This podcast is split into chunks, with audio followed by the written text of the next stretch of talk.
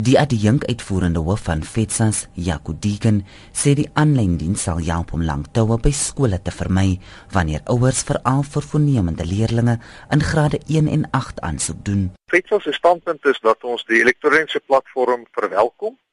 Dink is dit 'n absolute stap in die regte rigting, nie net om ons rye korter te maak nie, maar om die totale administrasie net beter te kan hanteer en te digitaliseer. Ons is daarin ten minste in die tyd waarin dit moontlik is en en waarin dit eintlik behoort te gebeur.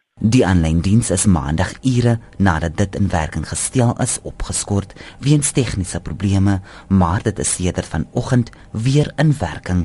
Die kan sê die departement moes bykomende voorsiening gemaak het sodat ouers ook fisies by skole kon aansoek doen. En ons voorstel is steeds dat die departement toelaat dat die leerders en skole en ouers wat nie toegang het tot die tegnologie nie of verkies om nog steeds op die tradisionele maniere aansoekvorm in te vul dat dit kan plaasvind dat ons ten minste vir hierdie jaar 'n parallelle stelsel het tot en met die tande kry probleme en ons probleme met beleid finaal uitgesorteer is voordat die elektroniese stelsel 100% geïmplementeer word. Hy sê FETSAS is bekommerd dat die aanlyn diens 'n negatiewe impak op skole se toelatingsbeleid kan hê. Ons het ons bekommernisse uitgespreek dat hierdie aanlyn registrasieproses eintlik die beheerliggaam se se bevoegdhede omseil deurdat hierdie aanlyn proses nie voorsiening maak vir die skool se toelatingsbeleid en die skool se taalbeleid nie en daaroor is ons nog geskil met die departement. En ons hoop dat dit dringend reggestel gaan word terwyl die regstellings nou plaasvind op die platform wat daai gestort.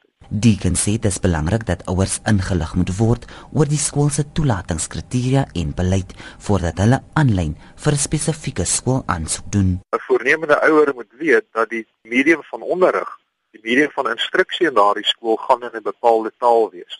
'n Tipiese toelatingskriteria sou wees om voorkeur te gee aan leerders uit 'n bepaalde geografiese area of ouers wat in daardie geografiese area werk of waar daar reeds 'n boetie of 'n sussie in die skool was.